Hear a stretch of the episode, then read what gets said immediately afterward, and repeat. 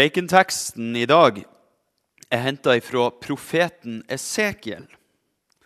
Det er ei stor og kompleks og skremmende bok, men som andre profetier ikke uten håp.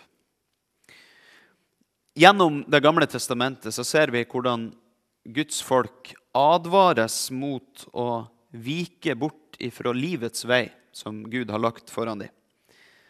Men gang på gang så ser vi også at de velger det motsatte. Dødens vei. Bort ifra Gud og hans gode vilje. Og så kommer det en, en dom som de er blitt advart mot igjen og igjen. Den finner sted. De må forlate landet sitt. De blir invadert av fremmede stormakter og ført bort til fangenskap i Babylon. Og det er der, i eksilet i Babylon at profeten Esekiel mottar sine budskap ifra Herren. Og midt i all elendigheten så får han også bringe fram et glimt av håp om en ny fremtid. La oss be. Himmelske Far, vi takker for ditt ord. Vi ber om at du åpner hjertene våre for ordet ditt, så det kan slå rot og bære frukt. Til velsignelse for vår neste og til ære for ditt hellige navn. Amen. Det står skrevet hos profeten Esekiel i kapittel 36, fra vers 25. Vi leser i Jesu navn. Jeg stenker rent vann på dere så dere blir rene. Jeg renser dere for all urenhet og for alle avgudene. Jeg gir dere et nytt hjerte, og en ny ånd gir jeg inni dere. Jeg tar steinhjertet ut av kroppen deres og gir dere et kjøtthjerte i stedet. Jeg gir min ånd i dere og gjør at dere følger forskriftene mine, holder lovene mine og lever etter dem. Da skal dere få bo i det landet jeg ga fedrene deres. Dere skal være mitt folk, og jeg skal være deres Gud. Jeg befrir dere fra all urenhet. Slik lyder Herrens ord. Hellige Far, hellige oss i sannheten. Ditt ord er sannhet. Amen.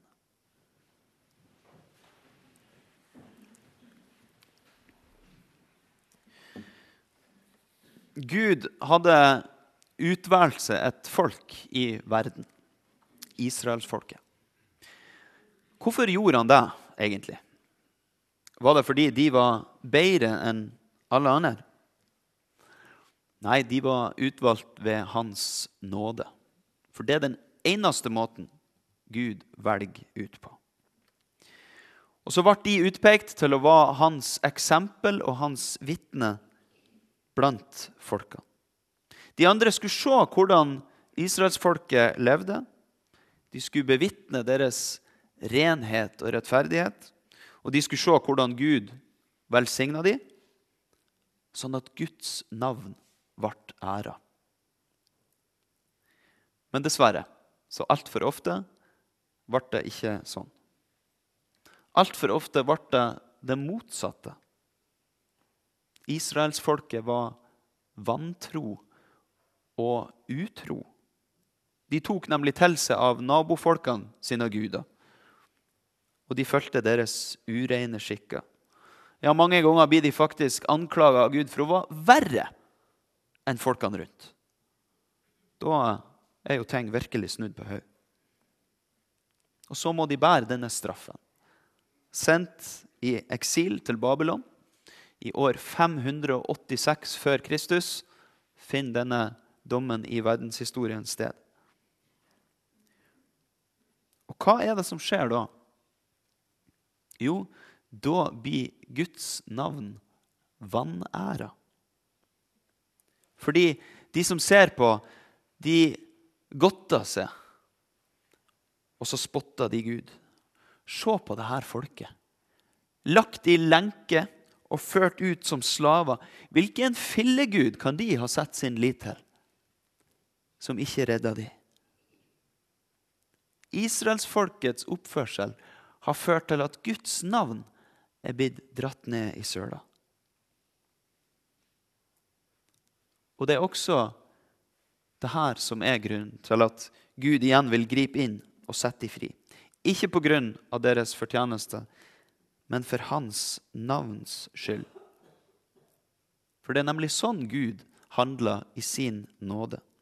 Vi ber jo i Fader vår om at Hans navn må helliges, ikke sant? Og Gud helliger sjøl sitt navn ved å være trofast, også når vi mennesker er troløse. Og så gir han folket noen løfter. Og er det en ting vi skal være sikre på, så er det at Guds løfter er til å stole på. Og Vi kunne kanskje tenke oss at det vi hørte nå, det peker fram imot en reformasjon hos folket. En eh, litt fornya religiøsitet og en litt blankpussa moral, kanskje. For så finner vi jo i 4. Mosebok eh, kapittel 19 en oppskrift på hvordan man lager renselsesvann. Du blander vann med aska av brennofferet fra en rød kvige. Og så har du sånn vann da, som kan stenkes på folket til renselse hvis man er blitt uren. Det kunne jo vært noe sånt. Men så hører vi jo av ordene som følger, at det dreier seg om noe langt mer dyptgripende. Det er en forandring av mennesket. Ikke i det ytre, men i det innerste. Et nytt hjerte og en ny ånd. Dette er ikke noe et menneske av seg sjøl kan gjøre. Det kan bare Gud med sin inngripen. La oss begynne med hjertet. Det som i Bibelen beskrives som sentrum, ikke bare for følelser, som vi tenker i dag, men for både vilje og beslutning. Et menneske kan ikke forandre sitt hjerte for Gud, annet enn å gjøre det hardt. Det kan vi. For det skjer nemlig hver gang et menneske hører Guds tiltale og stenger det ute. Ofte skjer det jo når vi hører kallet til omvendelse. For egenrettferdigheten hos oss mennesker den er ganske sterk. Og jeg, jeg ser jo på meg sjøl som et godt menneske. Hvorfor skulle jeg omvende meg?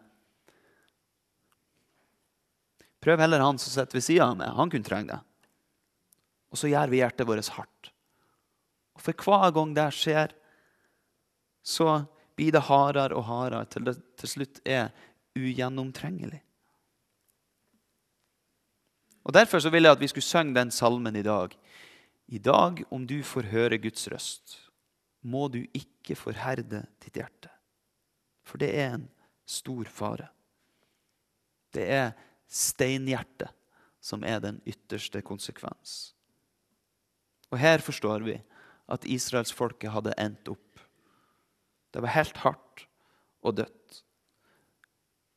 Alle forsøk på bedring det ble bare en ytre moralisme som ikke stakk så mye som en centimeter dypt. Helt håpløst.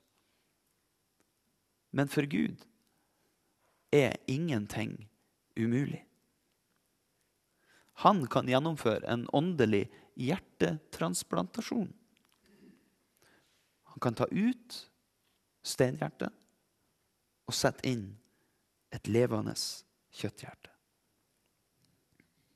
Og så vil han gi oss en ny ånd. Menneskets ånd det er det aller dypeste og innerste i oss. Og Denne ånd er gitt av Gud og var opprinnelig forbundet i fellesskap med Han. Men så gikk dette fellesskapet tapt, sånn at menneskets åndelige side ble avskåret fra Han.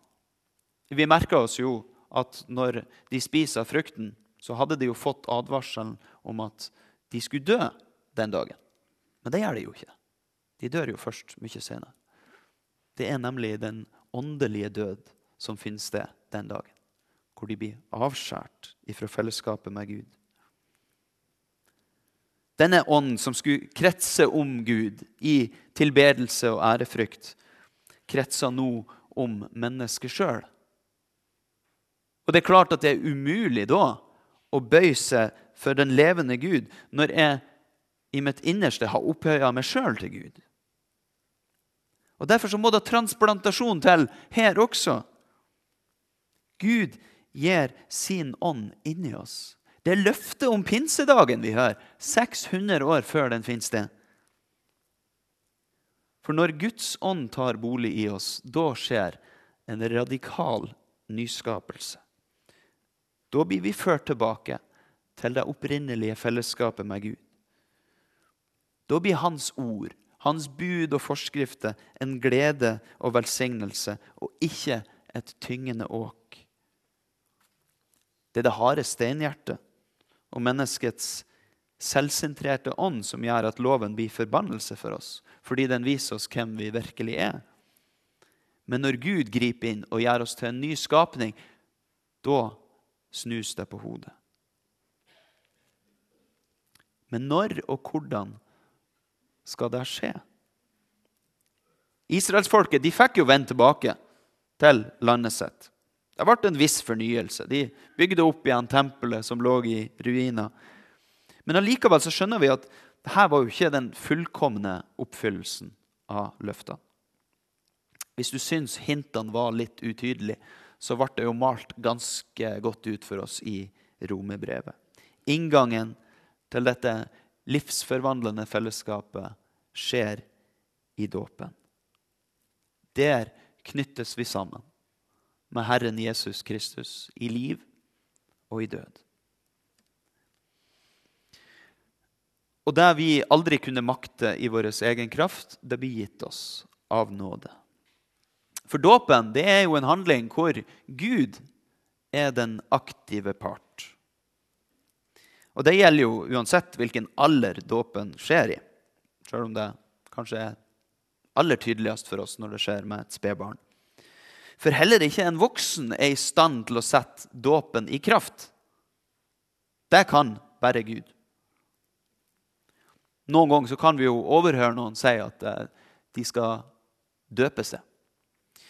Og vi får eh, bære over med at det er en eh, kanskje en umodenhet som gir seg til kjenne i et sånt grammatikalsk feilskjær. For det er ingen som kan døpe seg. Man blir døpt. Det er å være mottaker av Guds ufortjente nåde. Det er som om du skulle gjennomgå en hjertetransplantasjon, og så sier du 'jeg skal operere meg'. Det håper jeg da virkelig ikke. Det vil antagelig bli katastrofalt. Nei, man blir operert. Og på samme måte som man da må være villig til å legge livet sitt i de kyndige hendene til en kirurg, så blir vårt liv lagt i Guds hender i dåpen. Der finner en ny fødsel sted. For det som er født av kjøtt, det er kjøtt.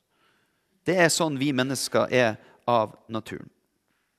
Vi kan aldri bli noe annet enn et menneske. Vi kan ikke engang identifisere oss bort ifra det. Og dersom vi da skal bli et Guds barn, ja, da må vi bli født av Gud. Det er det underet som skjer i dåpen. En fødsel ved vann og ånd. Oppfyllelsen av Esekiels profeti. Det Gud vil, er liv. Men kjøttet, altså det vi er i oss sjøl, det er dømt til døden. Og det nye mennesket som reises opp av dåpen, det er et menneske med et nytt hjerte og en ny ånd. Et menneske som lengter etter Gud, som har Hans ord og bud som sin lyst og glede. Men vent nå litt, sier du kanskje nå. Jeg har det jo ikke sånn. Her er det ikke mye lyst og glede. Det er mer av strev og ubehag. Og synden, den fanger meg jo så lett inn. Ja, for det gamle mennesket, det er korsfesta. Men vi blir ikke kvitt det før den dagen det virkelig er dødt, og vi får en ny åndelig kropp. Så hvis du kjenner deg sånn, da skal du ikke fortvile. For da må du overgi det til Guds nåde. Stol på at hans løfter gjelder for det. For det er han som omvender et hjerte, og som gir det sin ånd. Og Sånn er det fordi vi skal være fullt og helt avhengig av Han. Ånden peker på korset og hvisker forsiktig til oss. Se der. Det er fullbrakt. Stol på Guds løfte. Det som derimot er et faresignal, det er hvis du sier jeg skjønner nå ikke helt hvorfor dere driver på og maser sånn om den der onde lysten i hjertet. Den tror jeg jeg må være ferdig med. For da er hjertet ditt blitt forherda. Da treffer ordet en steinvegg, og så preller det av. Da er du i nød. For det er umulig å gjøre noe med. Og da hadde du vært uten håp hvis det ikke hadde vært for deg at ingenting er umulig for Gud. Da må du rope ut din nød til Han, som kan gjøre steinhjertet ditt om til et kjøtthjerte, så Hans ord kan nå inn. Dåpen, den må leves. Det er ikke noe som bare kan legges på hylla som en æresbevisning. Det er daglig omvendelse og etterfølgelse. Og det gamle mennesket gir det nye god konkurranse i kampen om herredømmet. Og Derfor så må vi leve åndens liv. Gi ånden rom til å virke i oss. Herre, vi tørster etter din ånd. Fyll oss. La den strømme fram i oss som elver med levende vann. Her i menigheten skal åndens gave var virksom. For Gud har jo øst ånden utover oss for å bygge oss opp. Hvilke åndelige gaver og tjenester har han betrodd til det? Kanskje du ikke har utforska det før? Vi er sammen hans kropp. Vi er ikke noe i oss sjøl, men vi stoler på hans løfter. Han som har gjort oss til nye skapninger. så var det noe på slutten her som ikke passa helt for oss. Et løfte om igjen å få bo i landet som ble gitt til fedrene. Hvordan skal vi forstå det? Kanskje vi skal tenke at det er gått ut på dato? Nei, det er et løfte ifra Gud, og de løftene går ikke ut på dato. Gud har ikke glemt det folket han valgte ut i den gamle pakt. Det gjelder det samme for de som for oss. Løftet om Ånden og nytt liv ved troen på Jesus. Men Gud kan handle på flere plan samtidig. De fikk vende tilbake fra Babylon. Da ble noe oppfylt. Senere fikk de selvstendighet.